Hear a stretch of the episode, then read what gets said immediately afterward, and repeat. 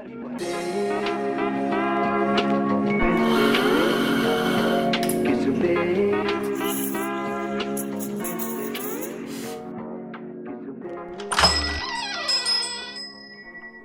selamat datang di Baca Trisa, masih barengan gue Jimmy Bayu. Dan sekarang gue lagi ada di segmen Coffee Hopping. Seperti biasa, berkolaborasi sama teman-teman dari Jakarta Coffee Spot. Dan sekarang gue lagi janjian ke Tebet.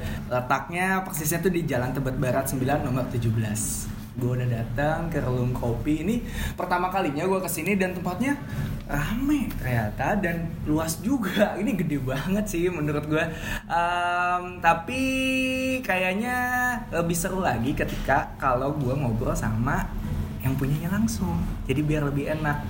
Pengen tahu awal mulanya arti namanya dan mereka juga kenapa ya? Kok buka cabangnya jauh banget? gitu. Bisa sampai ke Banjarbaru. Nah gak usah nunggu lama Biswakam ada Mas Putra depan saya. Apa kabar Mas? Baik halo Baik. selamat sore mas. Sama sore. Uh, Mas um, untuk pertanyaan yang pertama Hmm. ini agak sedikit penasaran. Dimulai dari nama dulu aja kali ya. Dari nama. Dimulai dimulai dari nama. Kenapa relung kopi?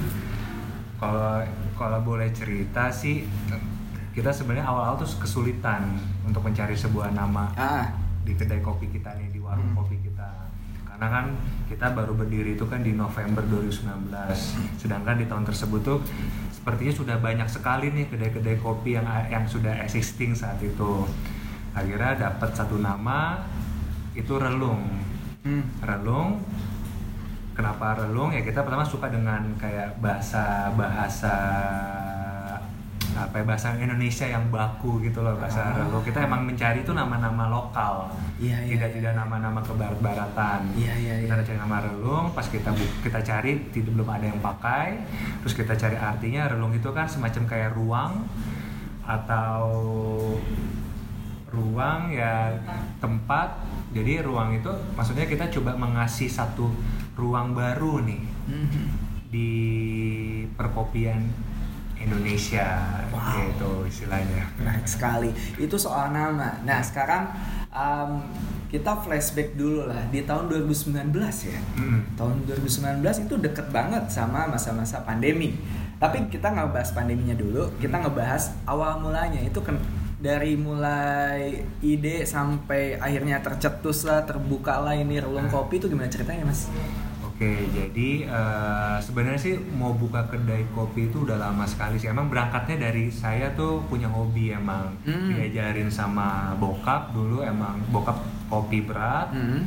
Akhirnya kita diajari minum kopi, akhirnya kita jadi suka kopi. Terus dari es dari jam dari kecil sampai sekarang tuh suka datang lah ke kedai-kedai kopi dari kedai kopi itu suka nanya istilahnya ini apa dari kedai apa istilahnya ini menggunakan single origin apa house Oh, blend apa Pendekar kopi dulu ya. Nggak juga lebih lebih lebih ke penasaran aja Oh iya, lebih ke penasaran. Oke, lebih oke. penasaran aja pengen sebenarnya Salah satu pendekar bukan ya? belajar murah Oh, ya betul, betul. jadi kita bisa belajar dari orang lain Ya. banyak lah yang kita pelajari dari situ terus akhirnya suatu ketika di 2019 itu kita tuh pengen buka. Mhm. pengen buka kopi terus kita kumpulin niat ya udah akhirnya kita bukalah relung kopi di November 2019 Oh, gitu oke. Iya, terus iya. kita milih kenapa di Tebet. Kebetulan eh, saya tuh emang anak Tebet lah istilahnya. Dari lahir Oh, sampai kuliah tinggal di Tebet dan besar di Tebet gitu. Makanya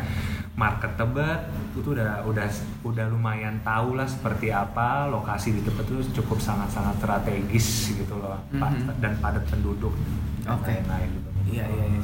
Secara langsung udah tahu lingkungannya lah ya. Betul. Walaupun emang mungkin di tahun sebelum-sebelumnya belum tahu marketnya kayak gimana, cuman seenggaknya lingkungan sekitar Iya. itu udah tahu kayak gimana. Iya. Ah, iya iya menarik. Um, untuk tantangan ada nggak awal buka?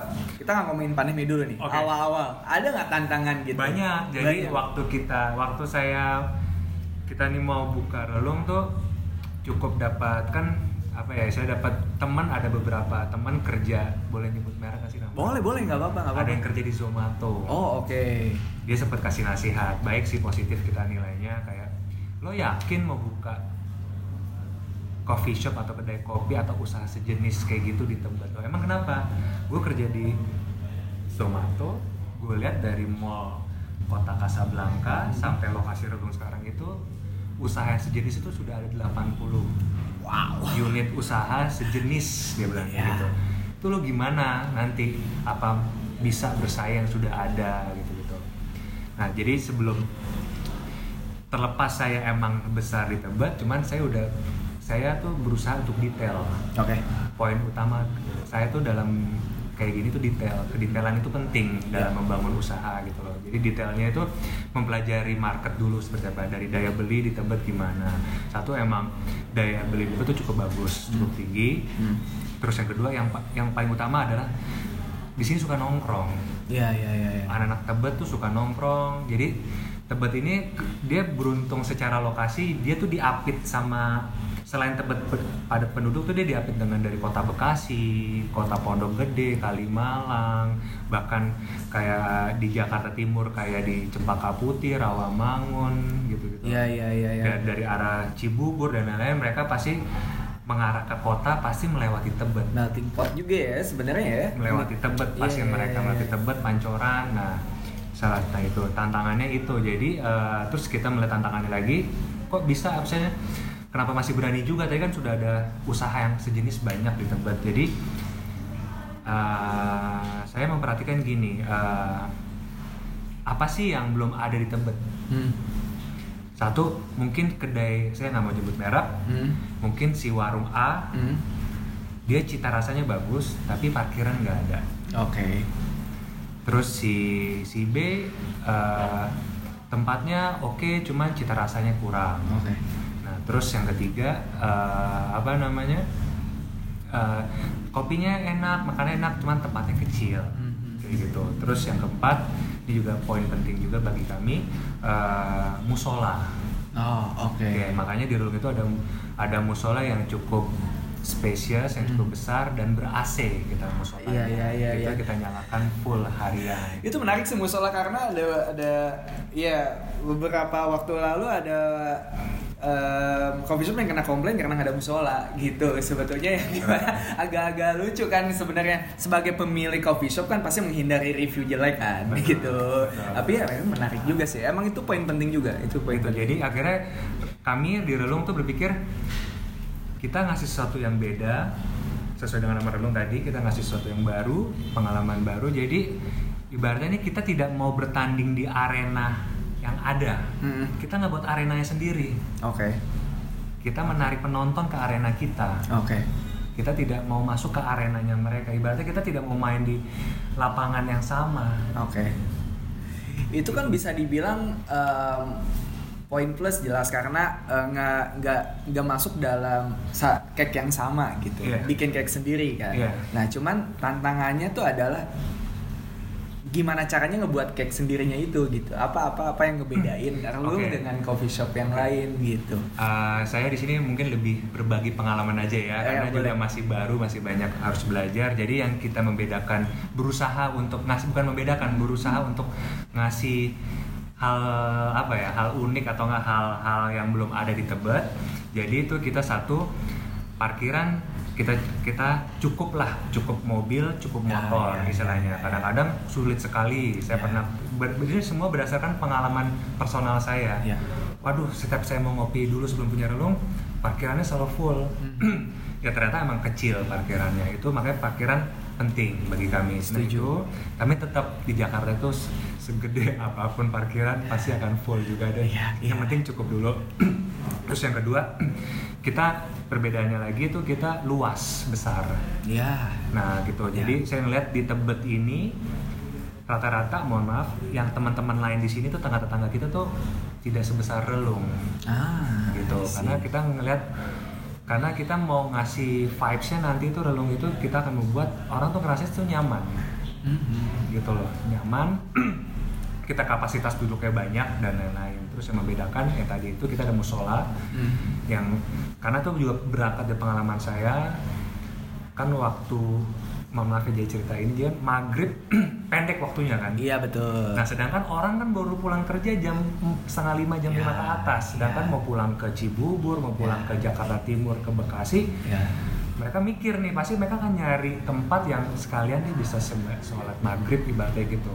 Ya. Akhirnya pasti kurang kemungkinan besar mereka akan mencari yang coffee shop bermusola. Kita punya hashtagnya coffee shop bermusola, makanya kayak gitu. Oh, menarik, menarik. ya. Kayak gitu. Nah, terus yang keempat ya cita rasa Ah. kita berusaha ngasih, ngasih cita rasa yang yang belum ada di tempat lain kita di sini pakai full arabica premium kita kasih kayak gitu dan alhamdulillah saat kita buka banyak yang review dari customer ini kok kopinya beda ya sama yang lain kok kopinya beda ya dibilang kayak gitu ini gue nggak pernah nih minum kayak gini alhamdulillah sih kita diterima aja udah syukur saat itu gitu loh dengan rasa kopi yang berbeda dengan yang ada-ada gitu gitu Oh, oke oke. kurang lebih kayak gitu Em, ini menarik mas karena kan bisa dibilang eh, Mas Putra ini mulai untuk bisnis coffee shop itu dari penikmat Mm. sampai akhirnya buka segede ini.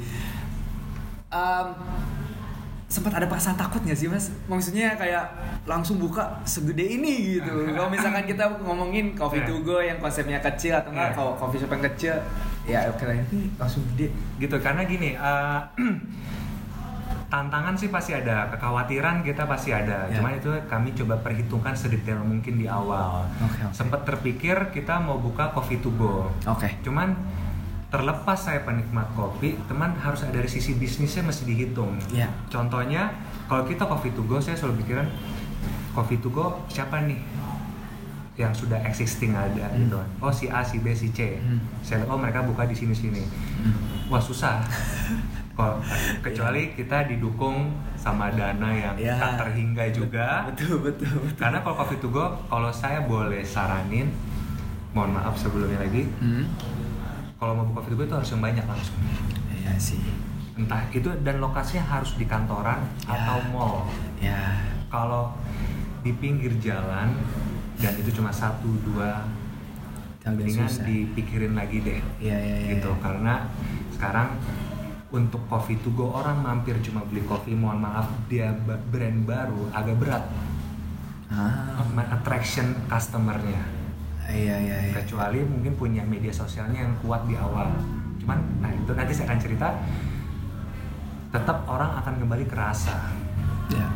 gitu Ya. itu dia coffee to go akhirnya saya bilang wah oke kita jangan main di coffee to go deh akhirnya relung bukanlah sebesar ini karena kita bilang kita buat arena sendiri Ya. Betul. kita buka kita kita tarik orang-orang ke arena kita kita jangan mohon maaf kita jangan bertanding di kompetisi mereka Mhm. kita buat kompetisi sendiri makanya saya bedakan di Tebet mungkin yang paling luas saat ini di Tebet relung yang bisa dibilang AC-nya paling dingin. Banyak kedai kopi AC tidak dingin. Itu penting. itu ada triknya sebenarnya cuman nanti itu Oke kita bahas di off air ya. Lumayan itu input buat gua pribadi kalau misalnya pasti kan shop. pendengar di sini banyak rasa kok AC-nya biasa aja? Padahal banyak nih unitnya sudah. Ah. Kayak gitu. Nah terus di sini wifi kita kalau review customer paling kenceng setebet kita. Kita 150 mbps.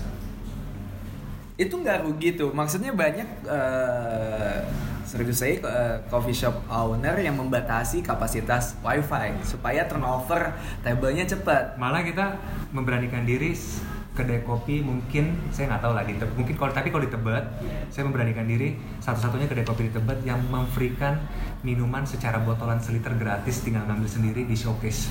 Mineral water. Tidak ada minimum payment tidak harus beli makanan wow. Misalnya beli espresso terus masnya ngambil sendiri langsung mineral water 1 liter karena kita bentuknya satu liter botol. Itu langsung ngambil sendiri ke showcase. Oh oke oke oke. Maupun mesen espresso pun satu nggak masalah kita tidak batasin wow menarik. apalagi kasih wifi gratis Iya, segitu iya. kencengnya Iya, air iya. aja kita kasih ibaratnya gitu wow gitu. iya iya iya saya nggak iya. tahu sih di Jakarta konsep itu udah udah ada juga belum cuman saya berani kok bilang di Tebet baru kita tanpa ada minimum payment orang tinggal ngambil langsung itu tadi ada di yang di sebelah pastry kalau showcase yang di bawah kaleng aduh nggak nggak lagi tadi nah, nggak di, tahu di bawahnya ada. Botolan free tinggal ngambil sendiri Wah, menarik sekali. kita nggak nggak batasin bebas mau ngambil berapa kali berapapun. Jarang banget sih sebetulnya. Itu yang mungkin pada akhirnya banyak banyak yang nongkrong juga di sini ya. Mungkin Iya. ada beberapa yang udah reguler karena ya balik lagi wifi Hmm. Cepat terus eh, gratis minuman mungkin ntar saya download apa sekalian ya Jangan salah loh, dulu sebelum pandemi waktu kita baru buka banyak yang mabar di sini. menarik Banyak yang mabar. Jadi ada anak Penting dulu market kita banyak waktu sekolah masih boleh. Hah? Banyak anak sekolah, saya lihat kok pada laptopan semua pasti uh, pada mabar. Malah ada yang bawa joystick PS. Main di laptop mereka. Lagi- Mungkin ntar ada rental mungkin ya, ada rental PS atau apa gitu. Oh, menarik, menarik. Oke, gitu. Tapi nggak masalah mas untuk itu. Nah ini salah satu poinnya lagi, ya jangan pelit lah dalam berusaha. Oh, menarik. Gitu. Oke, menarik. Jadi salah satunya ya kita itu fasilitas itu nah, kalau mungkin bukannya gimana, cuman bagi kami bahan baku yang dipakai relung itu premium dari makanannya, minumannya, itulah. Jadi nah, kita tuh makanya kita lebih mengutamakan cita rasa gitu makanya lebih cita rasa jadi kita menggunakan bahan premium yang kita Ya. percaya itu itu selama bahan bakunya baik ya kedep mungkin outputnya akan juga Ya, ya, ya, ya.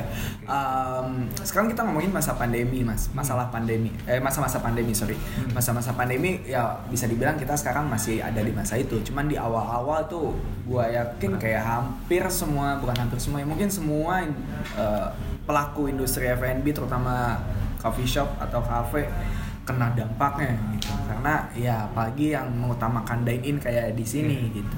Itu gimana, mas? itu dia kan relung kan dibangun kan kita lebih ke lifestyle kayaknya ya. Kita Iya. baik kita mengutamakan dine in. Tetap Iya. sih kita juga jualan GoFood dan ya, saat itu kita juga kita cukup cukup ya sedih lah. Hampir semua orang sedih sedih ya. Tapi kita tetap taat dengan peraturan. Saat itu masih istilah PSBB ya. Ya, masih istilah betul. PSBB kita ikuti tata aturan tidak boleh dine in hanya boleh take away. Ya saat itu kita sangat-sangat berat. Ta- tapi kita uh, berusaha tidak ada yang kita cut bahasanya Oke. kita, kita cut para karyawan cuman bahasanya kita rumahkan dulu Oke. Unpaid ibaratnya gitu tapi dan masuk cara strategi kami dalam menghadapi pandemi saat itu ya kita beberapa karyawan tuh kita gantian rollingan masuknya Oke. mungkin si A per dua hari, si B hari berikutnya, si C hari berikutnya. Nah itu alhamdulillahnya mereka cukup mengerti karena emang semua dunia merasakan ini. Gitu. Iya, iya, iya. Nah, itu lagi kita berusaha kayak ya macam-macam dari diskon buy one get apa buy two get one atau istilahnya potongan berapa persen. Kita sistem bundling makanan minuman biar dapurnya juga hidup. Iya, iya, gitu iya. kan kita di sini juga ada kitchen ada makanan juga. Itu harus gimana caranya dapur harus hidup juga ya kita bundling sampai kita buat saat itu layanan drive thru Oke. jadi kita sampai bawa minibar kita nih ke depan di parkiran Ah, kita bangun tenda Oke, kita oke. bangun sedikit me- mebar kecil kita sampai bawa kitchen tuh kita bawa ke depan tuh deep fryer goreng-gorengannya jadi biar open kitchen di depan Iya, iya, tapi iya. tetap itu hanya boleh take away cuman Iya. kita untuk attraction customer atau orang lewat kita sampai pindahin yang di dalam ke depan semua Iya, dari iya. minibar kasir sampai al deep fryingnya deep fryernya si dapur Oh menarik kayak gitu gitu selama ini sih kita menghadapi pandemi cuman ya tetap sih masih istilahnya Ya ya. sepromo-promo apa pun Susah sih. Di ya mungkin saat itu orang mikir pandemi tidak jelas sampai kapan Ya. semua kena dampaknya mungkin mereka juga pengurangan gaji dan insentif dan lain-lain ya mendingan ngopi di rumah dulu deh Ya, ya, mungkin ya. mendingan sasetan dulu deh mikirnya gitu. Iya iya. Lebih nge-save uang lah ya. Betul. Save money lah ya. Iya iya iya. iya. Em, nah ini yang menarik juga. Selepas pandemi, Hmm? Relung malah buka cabang. Itu salah satu berita baik ya. Dan cabangnya tuh malah jauh malah ke lintas pulau. Kenapa harus Banjarbaru, Mas? Kenapa harus Kalimantan? Itu yang jadi pertanyaan.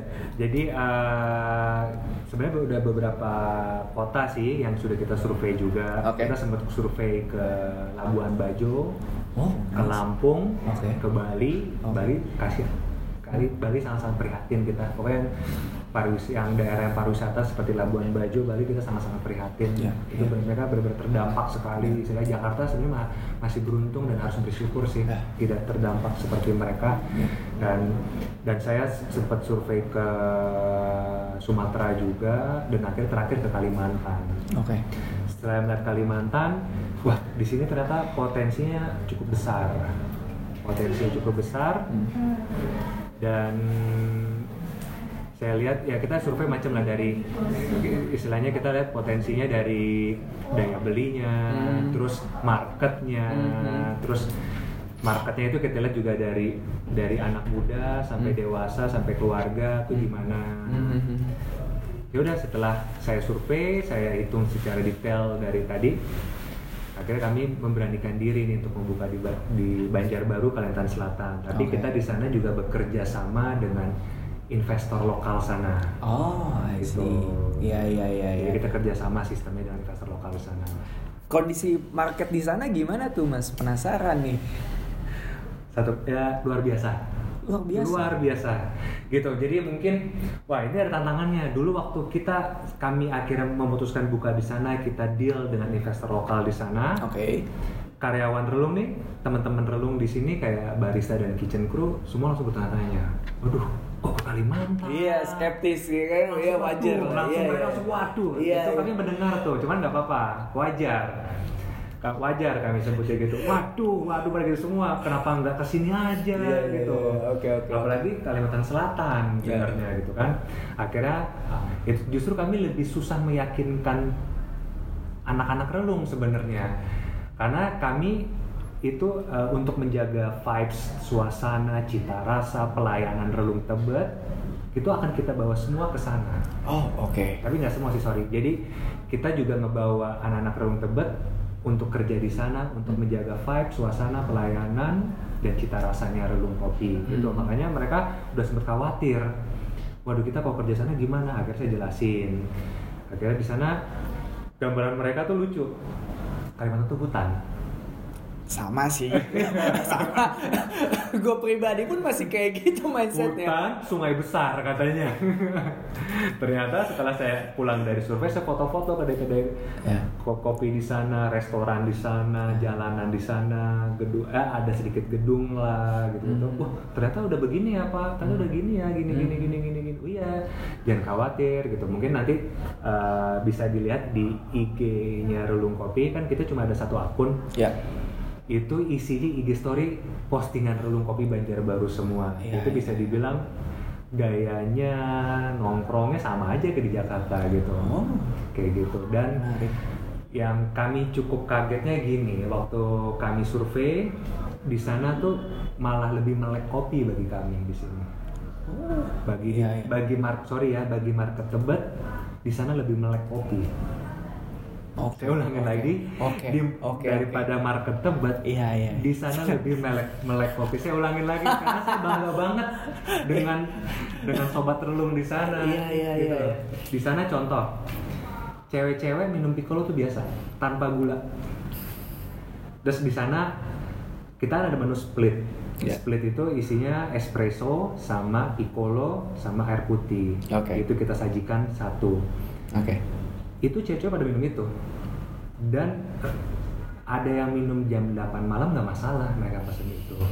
Kalau di Tebet tantangan kita nih di kasir pasti bilang kalau ada yang pesan americano kak ketika kita nggak bilang manis terus kita langsung sajikan mereka komplain kok nggak nggak ada gulanya Ah, I see. padahal kan standar internasional ya tanpa gula Iya betul. gula itu request Iya. tapi di Tebet kita sering banget dapat komplain loh Iya. kok gulanya nggak ada oh, oke kakak mau gula akhirnya kita punya SOP di Tebet setiap ada pesan americano cafe latte yang cold Hmm.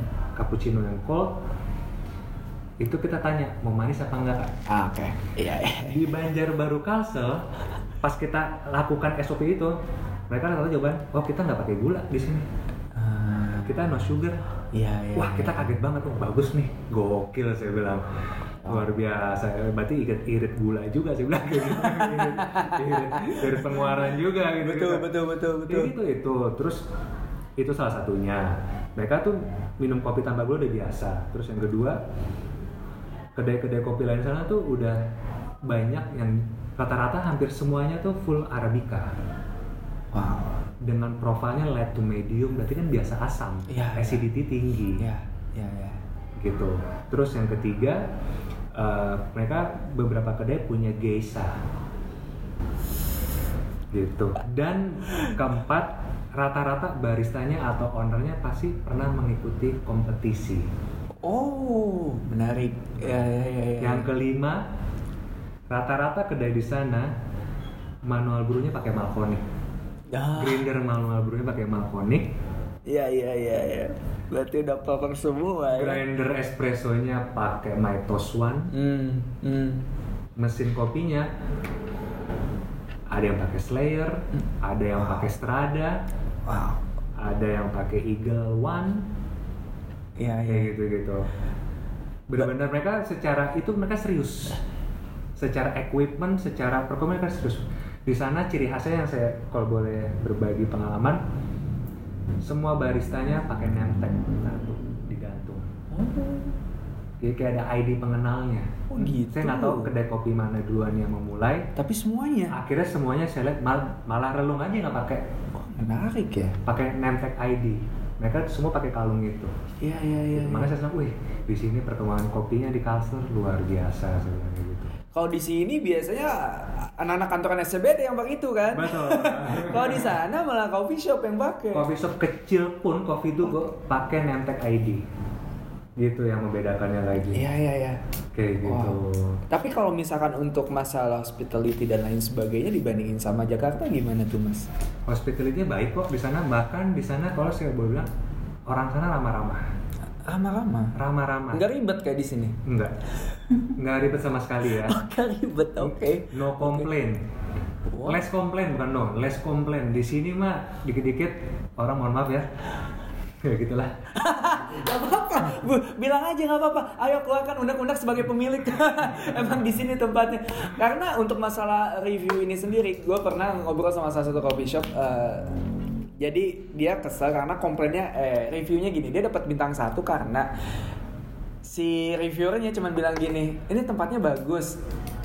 Tapi saya belum bisa buat mampir, nanti aja saya mampirnya dikasih bintang satu, kayak make sense gak? Maksudnya aneh gitu. Nah Ya. kalau Relum pernah dapat gimana tuh? Banyak mas, gitu loh. Maksudnya gini, eh, banyak banyak. Jadi eh, saya nggak ngerti lah yang yang yang yang yang Google review yang ngisi ngisi Google review itu tuh itu mohon maaf ya ngerti kopi apa enggak. Iya. Satu yang paling concern ke kami itu lebih ke cita rasa. Oh oke. Oke, banyak yang bilang kok salah satu gini, eh, kopinya biasa aja ya, Hmm. mahal aja gitu loh. Oh oke. Nah, terus ada yang bilang juga itu ngasih bintang dua, Oke. bintang satu atau bintang tiga. Oke. Terus misalnya, kok harganya mahal ya pak? Tempatnya biasa saja. Ah oke. Ya, terus oke, itu saya kan itu kan kami kami secara concern secara apa ya? Secara itu kita harus memperhatikan kan penampilan itu karena kami di sini berusaha untuk merespon kalau ada yang komen. Ya. Kalau bintang dua kan kita nggak tahu nih maksudnya kasih bintang dua tuh apa. Ya. Terlalu bias untuk dikomenin, untuk Ya. direspon maksudnya. Ya. Tapi kalau sudah ada komen kita wajib. Kalau dari relung kita wajib untuk komenin. Ya. Gitu loh. Salah satu contohnya kayak tadi eh, menilai kedai kopi dari tempatnya biasa saja. Oke. Oke.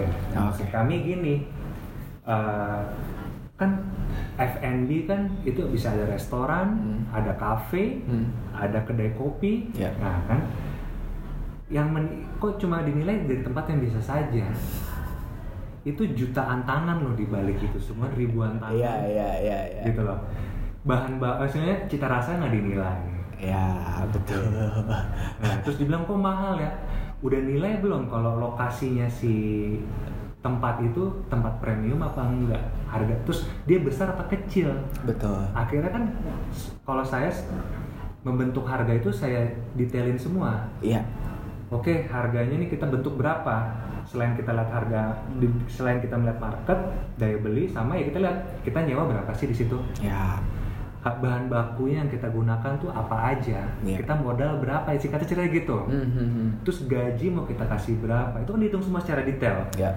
Uang sewa, akhirnya terbentuklah harga akhirnya ada owner yang gue mau untungnya dalam Hmm. ada juga yang oke gue nggak masalah margin sekian Hmm.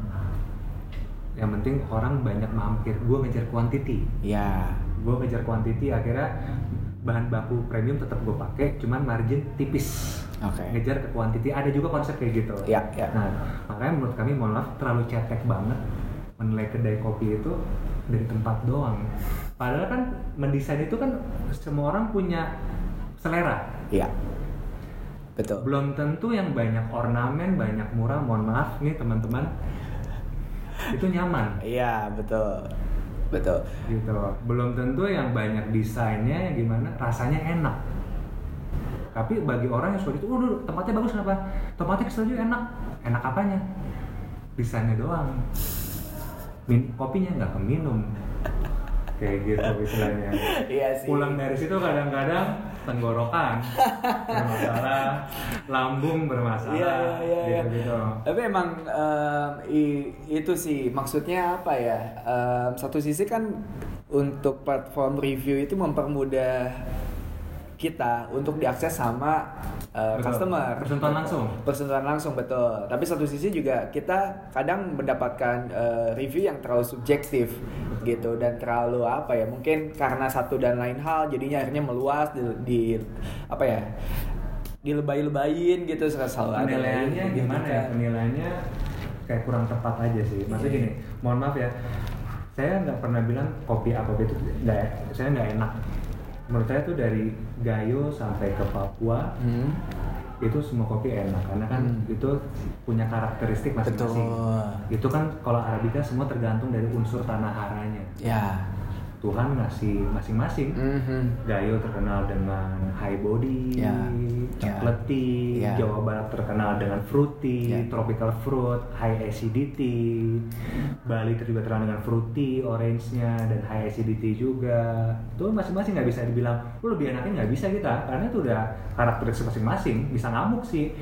Aceh ngamuk ini mah Ya, ya. gitu. Tapi kan semua kembali lagi ke selera gitu Ya. sama prosesornya mengelola itunya. Nah, mohon maaf kalau biasa minum robusta nggak biasa minum arabica jangan bilang arabica nggak enak bagipun gitu juga arabica Ya. nggak biasa minum robusta jangan bilang robusta nggak enak robusta laku bahkan robusta mengalahkan penjualan arabica di dunia Setuju, setuju. gitu terlepas produksinya sedikit Ya. ayo akhirnya gitu maksud kami ya ya harus fair aja Mhm. kalau biasa robusta bilang robusta enak Ya. kalau bisa arabica arabica enak terus misalnya gue nggak biasa asem ya udah sedangkan kedai kopi itu memakai cita dia dia si ownernya atau nggak konsultan atau siapa pun ya seneng dengan cita rasa asam Hmm. kan nggak bisa diselarain Iya, iya nggak bisa betul. disalahin Betul. istilahnya. Betul. ada yang suka gue lebih suka coklat tea tapi yang si A lebih suka gue nggak suka nih gue suka fruity udah cuman kan bukan marketnya dia berarti Ya. kayak gitu maksudnya jadi jangan meni- jangan dikasih Google review lah dengan bilang nggak enak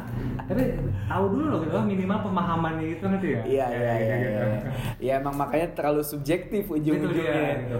tapi pas ditanyain emang saya nggak bilang ini enak apa sih gini kalau emang ini mas ini bilang enak di dalam ini ada apa aja sih Hmm.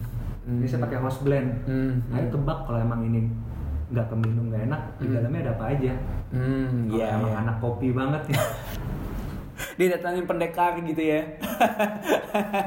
Iya, iya, iya. dari mana lulus apa juga Tapi pernah dialamin sama relung tuh yang kayak gitu. ya ada beberapa hal cuman ya Ada kita beberapa. kita respon dengan baik Ya. kita kita kita kita ngasih knowledge dengan baik kita menjelaskan kalau kita di sini pakai full arabica dari Jawa Barat dari Flores Mhm. gitu-gitu kita jelasin jadi cita rasa yang ada ya begini-begini Oke. Ah, Jawa Barat kan eh, medium istilahnya bodinya dia tipis Iya, istilahnya. dia dia lebih light. kalau nggak ngarapin body tebal ya jangan ke sini Ya, nah, ya. makanya kadang-kadang kami kami jelasin lah kami kami edukasi Mhm. kami memakai ini ini jadi cita rasa yang keluar ini ini ini ini ini ini ini ini, ini Mhm. kita bilang kayak gitu gitu jadi kita lebih mengedukasi customer yang ada gitu Oke oke, wah menarik sekali menarik sekali. Udah cukup ngomongin customer, kita coba buat pindah ngomongin soal menu, menu makanan dan juga menu minuman. Tadi tuh gue cobain makanannya apa namanya yang Mbak? Rulung scramble. Rolling scramble itu Iya. menarik menurut scramble. Iya, pakai D. Oh oke scramble. Menurut gue pribadi itu menarik rasanya karena gue termasuk orang yang mau nyoba makanan-makanan yang yang sedikit apa ya bisa dibilang ya, ya berani buat nyoba lah. Iya. Tapi kan kadang orang Jakarta semuanya main aman. Ketika coffee shop menu apa sih yang paling banyak nasi goreng? Ah, itu atau nggak pasta aglio olio gitu. Jarang gitu orang-orang berani untuk nyoba menu yang bisa dibilang bukan. Ah iya, atau mungkin nggak familiar lah kayak gitu. Ini Jadi- kenapa Relung berani untuk ngeluarin menu-menu itu? Jadi sebenarnya sih kita eh, ini sih mas, eh, sebenarnya kita mau menawarkan eh, memberikan beberapa menu. Istilah orang kalau mau kerung tuh komplit sebenarnya. Oke.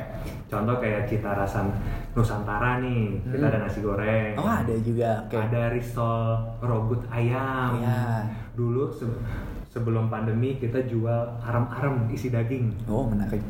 Itu kita kita menjual cita rasa Nusantara lah. Terus kita kita juga mau menggait market yang kayak ke Jepangan gitu kayak ada rice bowl. Kita menjadikan rice bowl juga. Oke. Kita ada rice bowl, cuman rice bowl kita cita rasa chicken salted egg Ah. kayak gitu. iya, iya, iya. Nah terus kita juga ada ke ke juga ada yang Chinese. Mhm. Kalau orang mau nyari mie kita juga ada kayak kita ada kue tiao, ada healthy Wow. noodle soup. Healthy Wow. noodle soup itu mie yang terbuat dari daun bayam. Wow menarik. Jadi kalau orang mau sehat makan mie tanpa dan dan kita tuh semua non MSG dipastikan non MSG makanya kita healthy noodle soup kita berani bilang healthy noodle soup karena itu mie dari daun bayam ya kuahnya ya kuah kadang-kadang karena saking sehatnya jadi rasa terlalu ini ya jadi Iya, iya, iya. tapi kita, kita di sini mau berusaha ngasih tetap ada cita rasanya lah biarpun menu sehat juga terus kita Oke. kayak tadi yang mas bahas itu kita akhirnya untuk menu kebulayannya itu kita terinspirasi dari Melbourne Coffee Shop gitu di sana Oke. cafe. Jadi kita ada menu scrambled di sini. Oke. Jadi ada all day breakfast itu kita rotinya pakai sourdough, Oke. terus uh, telurnya kita ya kita scrambled kayak gitu. Iya, iya, terus iya. kita ada uh, roll scrambled itu lebih kalau roll scrambled itu kita pakai roti sourdough, terus telurnya telur scrambled cuman dia teksturnya mirip apa ya mirip kayak sedikit sup gitu. Iya, iya, iya, Terus iya. kita kasih Dia juga gurih asem. asam Iya, iya, itu creamy Iya, creamy, betul, betul, betul. Betul, betul. Jadi kita berusaha i- sebenarnya gini sih kita siapa tahu orang nggak perlu ke Bali Iya. Kalau mau menu kayak scramble tuh ada di Relung Ah. Makanya kita juga ada menu croissant kan croissant Oh, kita oke, oke, oke. itu cukup best seller juga croissant di sini Itu sourdough-nya bikin sendiri kan ya? iya di sini kita ada ada kan- ada central kitchen di sini Wow. kayak gitu Wow. Menarik. Udah ada central kitchen. Itu makanya, dari kapan? makanya kita mengcover untuk Relung Kopi Banjarbaru dari central kitchen itu Wow. gitu jadi ya kita di sini fokusnya kita lebih ke kapasitas biar tidak mengganggu kapasitas Ya. kita ada central kitchen sendiri Iya iya. lagi Biasa kan coffee shop eh, lain ada beberapa yang eh, ngeluarin menu yang pakai roti, sourdough Hmm. atau roti-roti lain itu ambil dari supplier. Tapi Hmm. di Relung dari awal tuh udah langsung bikin sendiri. ya kurang lebih gitulah gitu gitu Oh. gitu Tapi menu itu nggak langsung dari awal kita buka sih. Ah, Jadi setelah oke. Sebelah apa gitu nggak langsung jadi kita Iya, iya, iya. coba bel- sambil belajar gitu. Iya iya iya iya. iya. Wow menarik menarik. Eh, saya lupa mau bilang apa tuh? di Banjarbaru Kalsel Iya. lidahnya lebih boleh dari Tebet loh menu scramble tadi lebih lebih la- lebih banyak terjual di sana dari Tebet Gue sejujurnya masih belum kebayang sih Kalimantan bentukannya kayak gimana Nah. yang di mindset gue tuh masih kayak hutan aja udah kayak nggak nggak nggak masuk ya nalar karena emang belum pernah ke sana juga sih. ketika kita mau kan kita selalu pantau terus dari penjualan di sana Iya, iya. karena di sana tuh kita kejar-kejaran stok Wow. kejar-kejar stok dari minuman, makanan, croissant, Wow. sourdough kita kejar-kejaran Iya, sampai iya. pernah kita tanya kan kita biarpun kita hitung juga di, di kantor pusat di Tebet ini kita Iya. juga mau tes nih anak di Banjarbaru dia menghitung stok atau tidak karena Iya. kita tanya ini perlu kita kirim nggak Pak? Kita tahu nih datanya harus kirim. Hmm. wah kalau untuk sourdough kirim aja Pak. Di losin aja udah terserah mau kirim berapa iya, pas. Jangan khawatir basi jangan khawatir nggak laku ada di sini. Malah di Tebet ini kita yang jaga stok banget jangan sampai basi. Di sana malah lebih cepat muternya ya. yang katanya kota metropolitan. iya sih agak miris juga. Maksud maksud gue gue jadi tahu fakta baru beberapa maksudnya daerah yang asing tapi ternyata mereka udah siap marketnya ya. Betul sudah siap. Marketnya malah udah jadi. Oh, tapi jangan siap. jangan yang lain jadi malah mau buka di sana. Kayak oh menarik sih. Saya sih lupa cerita di sana antar kedai kopinya temenan semua. Oh. Owner, barista, oke. Ah. mereka istilahnya fair lah di sana. Ketika- Berarti community-nya masih ken- kental banget Betul, ya. jadi ibaratnya eh, mungkin karena satu tanah lahir mungkin kali ya, jadi mereka ngerasa "Oh, itu teman saya kok. Teman ini." Mungkin kalau di Jakarta kan heterogen. Iya iya betul. Yang bukan kedai kopi ini mungkin aslinya orang sana, Iya. yang yang si B buka ini aslinya orang ini, Hmm. besar di sini gitu. Mhm. Gitu, gitu. Paling Jakarta otentik karena di sana mungkin teman-teman juga, teman-teman mainnya, Iya. jadi mereka lebih itu, lebih Saling saling kenal. kenal, Iya, lebih iya. fair lah istilahnya Iya iya iya. kayak waktu relung buka opening kita ngundang yang kita kagetnya mereka pada datang semua kasih selamat bahkan minta foto bareng kita foto-foto bareng yuk gini gini, gini. iya. ah cek saya bilang gitu gitu Menarik sih, menarik, menarik.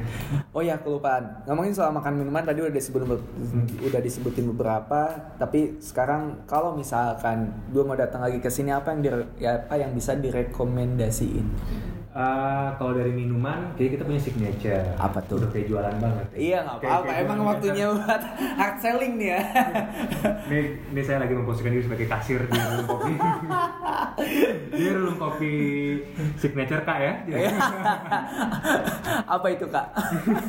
jadi kita tuh punya jadi kita ter- jadi eh, satu kita relung hati namanya Relung hati. relung hati kalau kita yang ice itu kemasannya di kaleng Ah, relung oke. hati kaleng itu umum sih kayak es kopi susu gula aren. Hmm, hmm, cuman rasanya bolehlah dicoba dulu. Mungkin oke. menunya menu umum cuman mungkin rasanya berbeda. Ah, menarik. kayak gitu. Terus kita juga ada manajer kita relung kopi yogurt.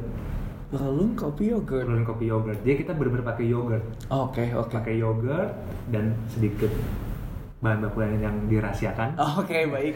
jadi gitu, jadi orang kalau mau mencobain relung yogurt pakai kopi ya ke relung kopi bisa. Ah, menarik terus kita juga punya namanya espresso sanger apa tuh? kita itu menu dari Aceh Oh. jadi waktu kami ke Aceh di sana ada menu namanya espresso sanger Mhm. nah, nah, akhirnya kita bawa menu itu ke Jakarta cuman dengan ciri khas relung dengan metodenya relung nah kita buatlah espresso sanger ini itu juga juga signature kami dan oke juga penjualannya misalnya orang banyak kaget tuh cita rasanya beda belum ada di menu-menu lain gitu gitu itu kalau signature relung sih untuk minuman itu Oke, oke. Wah, menarik, menarik. Untuk makanan apa tuh, Mas? Makanan sih hampir semua favorit ya kak di sini. Kalian sesuai penjelasan di awal tadi. Biasanya itu sih. Nanya yang favorit, yang favorit ini ini ini semuanya Semua favorit ya karena hampir eh, hampir semuanya penjualan rata dari chicken Oh. salted egg rice bowl, nasi gorengnya. Kalau untuk di Jakarta itu tadi menu sourdough-nya masih agak kurang, entah kenapa. Iya, iya, iya. Cuman kalau di Banjarbaru laku banget deh pokoknya dan semua menu laku. Iya, iya, iya. Tapi emang oh, sempat ke beberapa coffee shop sih emang bahkan ada yang nge-take out menu brunch dan Hmm. ngeluarin ya udah menu-menu yang comfort food kayak eh, nasi goreng bahkan dia ngeluarin nasi padang kayak gitu-gitu Iya, yang iya, emang iya. lebih familiar karena Iya. emang susah buat keluarnya Iya, si iya, iya. menu-menu itu It- itu pun terjadi ya ternyata di sini ya Ah, iya. apa? itu pun terjadi terjadi ternyata. terjadi kan kita juga ada yang yang kita bedain juga kita di sini punya namanya carbonara udon. Oh. Mungkin kan kalau di tempat lain pakai pasta Iya. kalau kita udon mie nya yang kita bedakan biar ada nilai unik sendiri. Fusion betul. Iya, wow. jadi mie nya pakai udon cuman cita rasanya carbonara Ah, Gitu yang- itu semua Mbak. Oh, by the way, di sini juga ada Mbak Agis nih, yang megang kitchennya dan kebetulan juga eh, istri dari Mas Putra. Itu semua Mbak Agis yang develop. Iya, sih. Itu sebenarnya makanan-makanan di rumah saya semua saya bawa. Pantesan semuanya dibilang enak sama Mas Putra. ya kalau enggak kan ya masalah di rumah. Wah, bisa nggak tidur nyenyak dong Iya. yakin nggak mau bilang enak tadi gitu lagi Iya, iya. tapi iya. emang enak kok cek itu lagi Iya, iya, iya. jadi gitu iya. kan karena ini relung jadi kami mikirnya kami awalnya itu si kebetulan si istri saya itu emang hobi masak kami sempat mikir di relung makanan apa ya saya bilang kayak gitu gini gini nah kebetulan istri suka suka apa ya istilahnya suka Eksperimen. eksperimen Iya, iya, iya. dari salted egg-nya nasi gorengnya Duh, udah ini aja kita bawa kita Bismillah deh kita bawa ini ke relung Iya, kopi iya, iya. kebetulan kan menu-menu yang apa apa masakan yang di rumah yang pernah saya cobain itu eh, ada pada umumnya di tempat-tempat lain juga Iya, iya. gitu. kebetulan saya dulu eh, emang hobi makan Oh, Oke. jadi itu harus sih sebagai pelaku F&B kalau susah juga tahu standar enak atau enggak jadi ja- dari zaman dulu tuh keluarga kalau nanya makan di mana pasti selalu nanya ke saya ah Udah oke kalau kalau mau makan itu coba tanya ke Mas Putra deh katanya. Iya, Oh iya. itu enak tenang aja itu enak bilang kayak gitu. Udah jadi kalau jadi ya setelah saya coba masakan istri ya udah oke saya bawa jadinya. Ya karena udah approve ya dari Mas Putranya sendiri kalau itu makanannya enak. Aduh menarik sekali. Em, ah untuk masalah konsep, sebenarnya untuk konsepnya sendiri kayaknya yang di Banjarbaru lebih banyak outdoor gak sih? Kalau dilihat dari Iya. Instagram? Iya. Iya ya, lebih banyak on itu dibikin beda atau tetap masih Ah, sama kebetulan growth-nya? kan kami di sana kerjasama dengan investor lokal sana. Oke. Dia punya punya lokasi tanah kosong itu seluas 1.800 meter persegi. Wow. hampir 2000 berarti ini kan tebet luas sama parkiran itu 500 meter persegi berarti empat kali li, Ya. eh, empat kali lipatnya yang di tebet makanya pas saya nyampe ke sana astaga ini mau dibangun kayak gimana sih bilang kayak Itu bisa ada lapangan futsal, bisa ada lapangan tenis. Kosan. Gede banget Gede itu. banget, akhirnya. terus kebetulan juga kami melihat trennya nih pandemi orang lebih nyari outdoor Ya, ya. udah akhirnya kita lebih banyak ke outdoor gitu Oke. biar anak-anak senja pada datang Yo, iya, anak-anak senja pada datang langitnya keren. Ah iya Ada sih. polusi. Iya. itu sih poinnya. Benar-benar karena saya pas saya nyampe sana, "Wih, di sana emang karena nggak ada polusi ya langitnya bagus-bagus. Iya, iya, iya, iya. Nah kayak di sini merah-merah. Dan katanya kayak di kayak di Bandung ya Langit suasananya. merah, Kenapa? Apa? Kan di, Langit kan di, merah. kita bilang dia dia bilang kan langit di Relung Banjarbaru tuh bagus-bagus ya saya nggak ada polusi Ah, apa, ah, apa. ah. kayak di Jakarta merah-merah waktu terus anak Relung B- BJB Banjarbaru nanya emang kenapa Pak kalau di Jakarta kan di Jakarta banyak gedung pencakar langit Oh. Di Jakarta. dicakar langit Bercanda. Waduh. lawakan bapak-bapak Oh. lawakan bapak-bapak Waduh. Waduh. Aduh, ya ya ya ya ya. Agak sulit ya. Di Saya Jakarta belum merah-merah karena banyak pencakar langit ya. Iya, iya, iya. Maaf, butuh waktu untuk mencerna. Belum masuk level bapak-bapak soalnya. Walaupun emang udah ke umur, udah harusnya masuk. Oke, oke. Nah, tapi untuk si konsep yang di dalamnya itu kurang lebih masih sama kayak. sama jadi eh, nah kalau biar jawabannya gini mungkin sih Eh, kebetulan alhamdulillah waktu itu saya lagi di Banjarbaru sana ada customer di kasir bilang mas ini saya orang Jakarta lagi ada kerjaan di Banjarbaru saya ngekos saya tahu nih saya udah pernah nyobain kok lalu yang di Tebet dia bilang dari vibes-nya suasananya sampai cita rasa sama semua kayak di Tebet Wow. Berarti message-nya Relung Tebet tuh yang emang kita niatnya di mana pun Relung berada tuh kita berusaha ngasih hal yang sama dari pelayanan, Iya, kita rasa vibes. Iya. Alhamdulillah message itu tersampaikan juga di Banjarbaru. Karena Iya, mereka iya. Ketika saya masuk sini biarpun tempatnya lebih besar lebih luas, cuman vibes-nya sama, suasananya dan lain-lainnya gitu. -gitu. Iya, Jadi iya. ya emang kita itu tadi kembali ke awal ya kita emang ngasih sesuatu yang beda lah kon lifestyle yang orang ngopinya dengan yang beda yang besar yang spacious yang lain-lain tadi itu Iya, iya, iya, iya. Sebenarnya itu kan tantangan ketika buka cabang ya. Gimana Iya. caranya supaya tetap ada satu garis merah lah Iya. antara yang pertama, yang kedua, tiga dan selanjutnya Iya, gitu. betul. Dan Relung berhasil bawa message itu ya Iya, dan kayak ter- gitu. kerasa sama customernya. Hmm. Oh menarik sekali. Um, nah, yang menarik juga soal staff karena tadi uh, Mas Putra sempat bilang kalau ada ada ada rolling ya Mas ya. ada rolling ya Ada rolling dan beberapa staff yang ada di Tebet Mm-mm. Diajak ke sana untuk jadi opening team. iya betul Uh, Untuk masalah staff sendiri sebenarnya ini kalau dari Long Kopi sendiri pengen ngebentuk staff itu jadi kayak gimana mas? gitu jadi kita gini sih eh sebenarnya relung tuh punya punya apa sih moto ya punya itu kita nyebutnya kiasannya sudah mencapai tingkat kerelungan Kerelungan. jadi kita oke. menyebut anak anak-anak relung nih warga relung Ah, Oke. Jadi nggak tidak semua warga relung itu sudah mencapai tingkat kerelungan tadi itu. Oh, Oke. Nah, kalau sudah mencapai tingkat kerelungan itu berarti sudah tahu nih visi misinya, Ah. manajemen relung seperti apa, Hmm. maunya seperti apa. Jadi mereka tinggal mengimplementasikan di floor. Oke. Ketika ada komplain, ketika ada itu mereka udah tahu semua. Nah, Oke. dan untuk menjaga itu, jadi kita sistemnya tuh untuk menjaga vibe, suasana, cita rasa, pelayanan, sampai kebersihan dan lain-lain, kita langsung berpikir ini harus kita rolling aktif per dua bulan Oke. gitu. Karena di Banjarbaru mungkin per dua bulan mungkin kalau nanti buka di Bali mereka mungkin nggak mau pulang jadinya. Nggak mau pulang. Apalagi kalau misalkan di Bali tapi dapat UMR-nya sini. Makin betah. Ya, gitu. Karena di Banjarbaru saya negonya udah kayak per dua bulan gimana sih bilang gitu untuk rolling aktif gitu. Iya, iya. Karena biarpun karena kami percaya biarpun SOP-nya mirip-mirip antar kedai, pasti setiap kedai itu punya soul-nya masing-masing. Setuju. Biarpun si A sama si B hampir semua kedai SOP sama kan mas? Ya. Ada ada journal cleaning, tahu buka open bar pagi seperti apa, closingan seperti apa, bedanya ini ini tahu semua hampir sama sama ini pasti ada ada ciri khas karakter atau soulnya Ya. masing-masing yang berbeda. Pasti gitu. itu.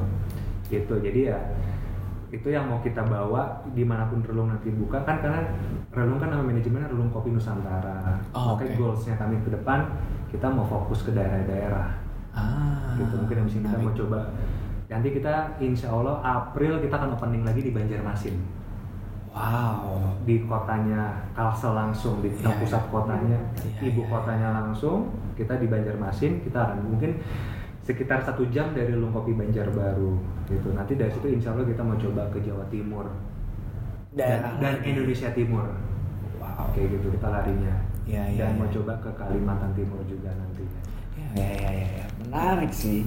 Em, karena emang ya gue pribadi mainnya belum terlalu jauh kayaknya ya. Jadi akhirnya masih belum tahu ternyata Kalimantan yang selama ini eh, bisa dibilang ya sorry to say kayak terlalu skeptis. eh, ternyata marketnya jauh lebih siap daripada market yang ada di Jakarta. Bahkan ini selatan loh gitu. Iya. Tapi ternyata yang di sana juga udah jauh lebih siap. Menarik Banget, banget sih. Jakarta kan self healing banget.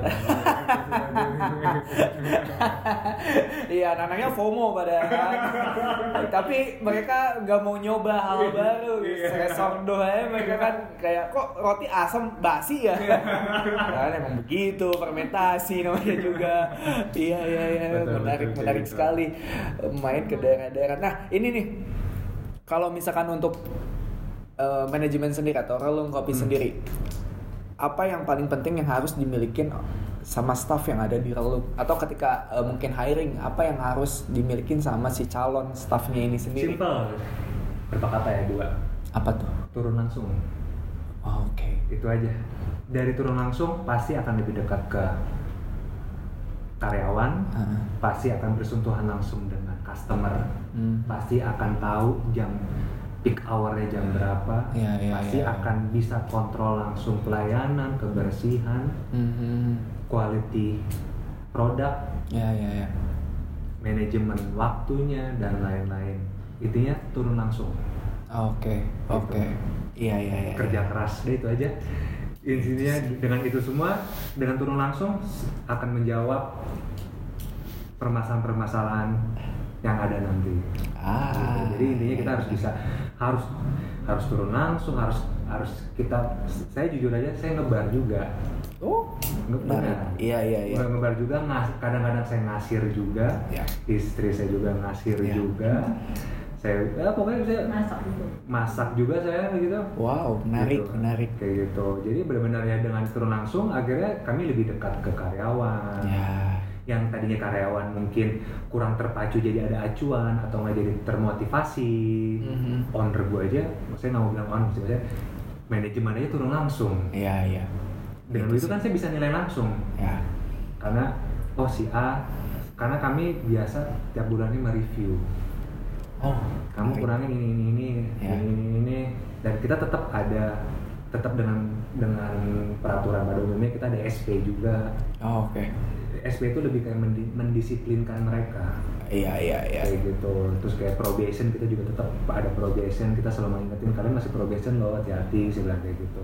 Mhm. dan begitu langsung saya tahu nih oh si A gini oh oh si A ternyata suka telat. Udah gitu gitu Iya iya. iya. Itu jadi penilaian tersendiri ya. ada oh si B ternyata istilahnya selesai bar langsung pulang gitu Biasanya suka ada juga yang kayak gitu ya. Iya, iya, iya. Nggak berusaha untuk bonding dengan teman-teman atau enggak apa kayak istilahnya gitu-gitu dulu gitu-gitu oh ternyata kita dengan turun langsung kita bisa tahu juga oh ternyata yang favoritnya customer yang ini ini ini Iya iya itu poin penting sih. Poin penting Itu poin penting. Em, nah buat si upaan nih, untuk rosternya sendiri ini tuh sebenarnya udah mulai running di tahun berapa? baru mulai untuk rosternya Relung itu running bentar eh ya? enggak sebelumnya sekitar Oktober, Oktober. 2021 Oktober 2021. 2021 gitu Oh. jadi ketika nah itu dia kami dari awal berdiri emang tidak mau langsung punya roastery Iya. gitu karena ya itu ada hitungan bisnisnya lah Iya, kita tetap biarpun hobi kita suka cuman kita harus berhitung Iya. harus berhitung Ya. kecuali ya anak sultan Uangnya unlimited ya. Unlimited. Iya iya iya. Ya, Kecuali kita- Rafathar ntar ya. Oh Rafathar kayaknya udah tuh. kita harus cerdas kan Iya, betul. untuk bertahan dan lain-lain Iya. istilahnya ya laku cuman BP-nya kapan Nah itu setuju. orang tua nanyain terus kan kalau duit dari orang tua Iya iya iya. udah kasih modal segini masih minta duit lagi iya belum ada yang masak di tempat saya Iya iya iya. iya. Agak-agak ketampar nih biasanya nih yang pakai duit orang tua. kayak gitu jadi ya karena semenjak tahu kita akan buka di Banjarbaru kita langsung investasi di roastery. Oke. tapi sebelumnya kami pun sebenarnya eh apa istilahnya kami tuh menyewa di tempat lain di tempat roastery lain. Jadi kita tuh untuk biji kopi kita kita ngambil langsung ke petani. Oke. kita berberen, kita lihat langsung mereka memproses si memprosesnya seperti apa dari after dari pasca panen sampai menjadi GB kita dari gabah sampai GB kita tahu oke dari situ makanya kita juga masak sendiri cuman jatuhnya kita menyewa di roastery tempat lain Hmm. tapi itu dengan develop kita dari suhu apinya beans innya di suhu berapa drop out beats di suhu berapa profilnya apa airflow-nya berapa apinya berapa speed drumnya berapa gitu-gitu nah Wow. jadi itulah yang akhirnya setelah kita tahu mau buka ini udah ini saatnya kita harus punya roastery saya bilang. Karena cukup investasinya gitu. Dapat karena waktu kalau awal-awal ya lebih ke kami sih lebih karena mohon maaf ya lebih ke gengsi aja kadang-kadang orang punya itu. Secara bisnis belum tentu tapi nggak tahu juga sih. Kalau tapi kalau emang dia tujuannya jualan beans ya why not? Bagus Iya, emang betul. harus punya roastery. Cuman kan saat. Relung berdiri itu kita belum ada kepikiran jualan beans Iya. kita lebih ke jualan di kedai coffee shop biasa aja Iya iya iya iya. Tapi emang dengan adanya cabang ya menurut gua lebih emang lebih efisien lebih ketika efisien pun. jauh jauh lebih efisien minimal kita menghemat tenaga kan Setuju. tiba-tiba kopi habis masak langsung Iya iya iya iya. gitu. Dan lebih menghemat costing juga biasanya. jauh jauh, jauh. itu yang paling penting. Betul, betul, Itu yang paling gitu. penting. Wow, nggak kerasa mas kita ngobrol udah hampir satu jam ini. Oh, nggak boleh nambah nih Boleh ntar billing di depan aja. kayak karaoke Aduh, nambah sesi nggak boleh menarik sekali, menarik sekali obrolannya. Em, atau mau di sesi 2 boleh sih, mungkin ntar aja kita nunggu respon dari pendengar Eh, yoi, betul betul itu yang paling penting. kayak ada yang dengerin aja Ada dong, Oh, ada. pasti ada. maksudnya takutnya lu nggak seksi gitu di mata mereka Ya Allah, itu kebuktian ramai begini tempatnya, nggak mungkin nggak seksi. customer bayaran semua Oh alah, ternyata dulu ada penonton bayaran, sekarang customer bayaran. bayaran bercanda By the way ini di atas juga ada barbershop ya? ada barbershop barbershop kita baru buka Oke. sama satu lagi kantor sih Oh ada kantor. dan gudang Oh oke sama oke. sedikit buat karyawan istirahat ada kamar mandi juga di atas dan gitu Wow Kita punya canggu loh di sini. Canggu, canggu Bali maksudnya. Canggu apa ya? jadi ada satu tempat break anak-anak isinya tadi itu buat break ah, ah. mereka saking ngerasa nyamannya mereka bilang ini lagi di Canggu Mantap, baik. padahal tuh cita-cita tak tercapai itu itu maksudnya mungkin nyindir ya, Iya, mau, iya. mau ke Bali. Mau outing apa gitu? Iya, itu sih. akhirnya mungkin. istilah itu kita bawa juga ke Relung Kopi Banjarbaru Oke. tempat breaknya kita, kita namakan Canggu Oh alah, ya mungkin tuh jadi jadi doa ya. Amin Amin. Amin. bukan di Canggu juga mungkin nanti Mudah-mudahan. Mau cerita dulu. oh. kenapa emang dengan Canggu Gak apa-apa. Seksi lah di Bali yang itu. iya iya betul betul Yang masih ramai, itu dia sih betul yang setuju masih bisa bertahan daerah Canggu. Iya, iya, iya, iya, iya. Wow, menarik sekali.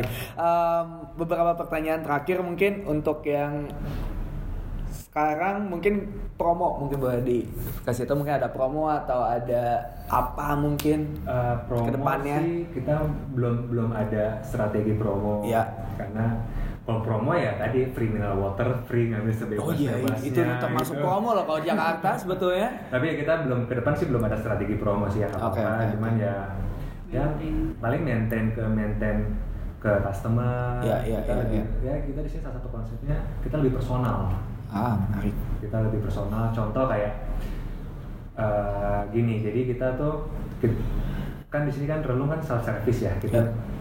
kan untuk minuman self service untuk makanan diantar jadi bagi percaya mas nah, dari buka sampai sekarang ada yang tiap pagi datang ke sini sampai sekarang konsisten datang tiap pagi Wow. dari buka 2019 sampai sekarang dia tiap pagi datang Dan menunya itu itu terus biasanya. Icolo Wah, Nah, iya iya iya. akhirnya kita memetakan nih mana yang sering ke relung gak usah tiap hari yang sering itu kita bedakan pelayanannya.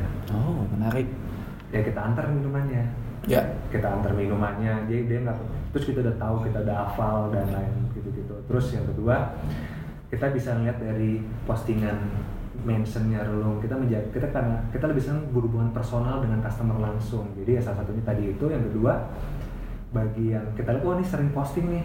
Kita kasih voucher Ah, I see. free Jadi mereka tinggal ngeklaim pilih Ya, ya. makannya mau apa minumnya mau apa Wow, tanpa embel-embel harus posting aja enggak terserah Ya, tapi Ya. kita lebih senang ke personal tadi itu karena lebih langsung bersentuhan dengan langsung customer bagi Ya. kami itu lebih esensinya sebuah soulnya kami di situ ya. Ah iya betul betul. Nah ngomongin soal customer, pertanyaan terakhir gue nih em, dari Mas pribadi dan juga mungkin dari Mbak, em, ketika customer datang ke relung kopi, apa yang tim manajemen relung kopi sendiri harapin itu bisa didapat sama customer?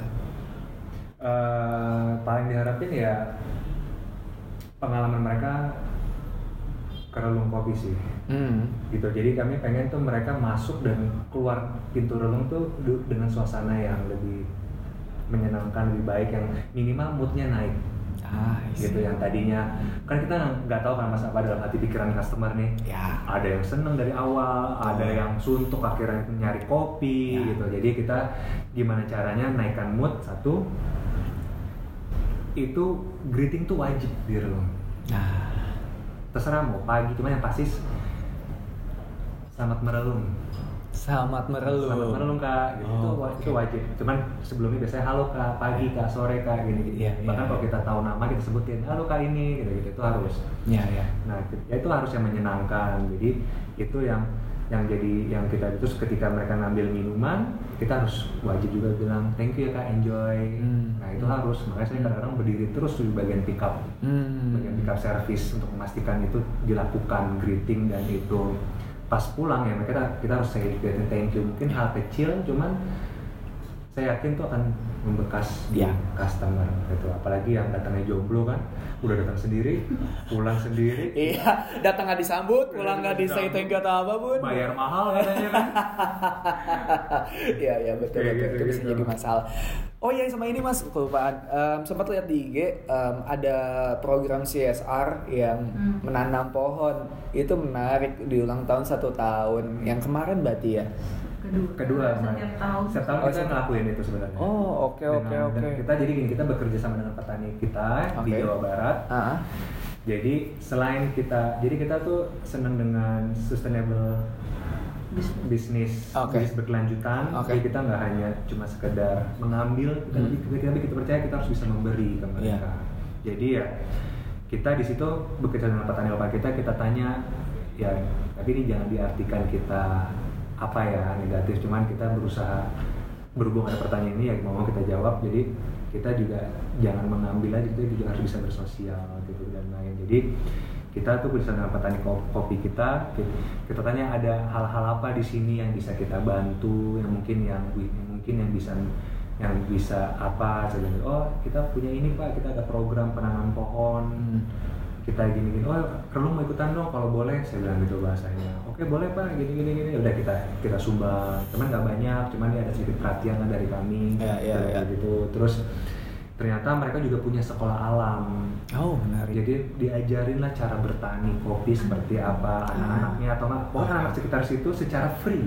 Ah, oke. tapi kan perlu ada penunjang fasilitas lainnya kan. Ya. nah itulah yang kita berusaha membantu ke mereka di itu itu terus pohon kita tanam lagi dari alam kita kembalikan ke alam lagi Ya, ya, kayak gitu ya. gitu nah itu ya alhamdulillah kita rutin lakukan itu hampir tiap tahun kayak gitu kita, kita rutin juga terlepas juga ada Donasi. donasi donasi dan lain Ya, ya, ya, ya. gitu ya kita ya itu dia tadi ya kita percayalah kalau semakin kita banyak memberi siapa tahu Ya. bisa semakin lagi dapat Ya, ya, ya, ya. Ya, setuju setuju itu makanya itu salah satu program menarik gitu karena kopi nggak cuma dijadiin sebuah apa ya eh, sebuah produk tapi juga sebuah media gitu buat orang-orang bisa melakukan hal yang lain yang jauh lebih positif Betul, gitu jadi betul. ya jadi Timberlong sendiri menyampaikan itu wah Hmm. menarik sekali ah terima kasih banyak Mas Sama-sama. Putra dan juga Mbak Gis Ya. atas waktunya atas hospitality-nya semoga pastinya lancar selalu Amin. buat Terlung Kopi dan semoga lancar di Banjarmasin nanti. Amin. Em, Jakarta nggak akan buka lagi nih. eh masih belum kepikiran ya. Ternyata. terlalu kami terlalu ketat ya pertanyaan tapi pemain Ya kecil juga sih, ya juga sih, ya juga, ya juga. tapi pemain kecil ketemu ketemu pemain besar kami minder gitu Iya. Padahal pemain kecil di sini udah ngambil market gede nih untuk daerah Tebet sendiri. Menarik sekali ya. Pokoknya sehat-sehat buat tim Perlung. Amin. Ditunggu kejutan lainnya. Amin. Oke, cukup sekian bacotan untuk edisi kali ini. Sampai jumpa di bacotan selanjutnya. Bye. bye